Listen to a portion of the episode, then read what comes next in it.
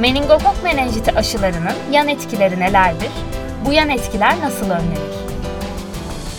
Bütün aşıların az veya çok gen etkisi olabilir. Ancak şunu da akılda bulundurmak lazım. Şu da bir gerçektir ki aşıların getirdikleri yararlar aşıların yan etkileriyle karşılaştırıldığında, teraziye konulduğunda yan etkileri yok görülmeyecek kadar o kadar azdır ki azımsanacak kadar yok kabul edilebilecek kadar nadir yan etkilerdir. Aynı şey meningokok aşısı için de geçerlidir. Meningokok aşılarına özellikle dörtlü aşılara karşı görülen aşı reaksiyonları yan etkiler çok çok nadirdir ve çok hafiftirler. Genellikle ateş, baş ağrısı, halsizlik, işte ergenlere yaptığımız zaman özellikle kızlara yapıldığı zaman bayılma gibi ki ama bu sadece bu yaş grubuna ait daha ileri yaş gruplarında görülmez ya da küçük bebeklerde görülmez.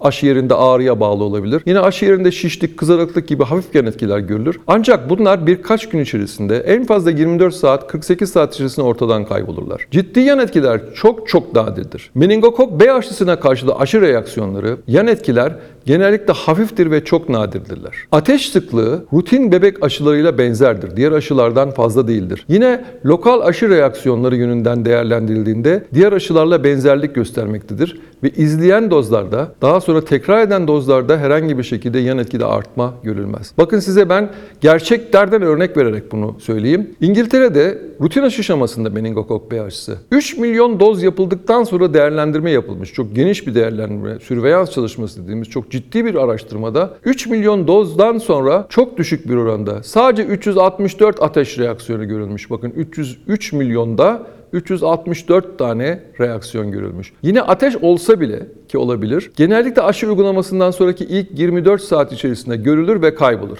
İkinci günden sonra ateşlerin büyük çoğunluğu düşer. Yani ikinci güne hemden sonraya hemen hemen hiçbir çocukta ateş görülmez. Yine febril konvülsiyona sebep olmaz. Febril konvülsiyon ateşe bağlı havale sıklığında herhangi bir şekilde bir artış olmadığı gösterilmiştir. Yine bütün bunlara rağmen B aşısının uygulamasından önce ve sonra 3 doz şeklinde ateş düşürücü parasetamol Bakın altını çiziyorum. İbuprofen değil, parasetamol verilmesi önerilir. Şu şekilde verilmesini öneririz. İlk dozunu parasetamolün aşı yapmadan hemen önce vermeliyiz.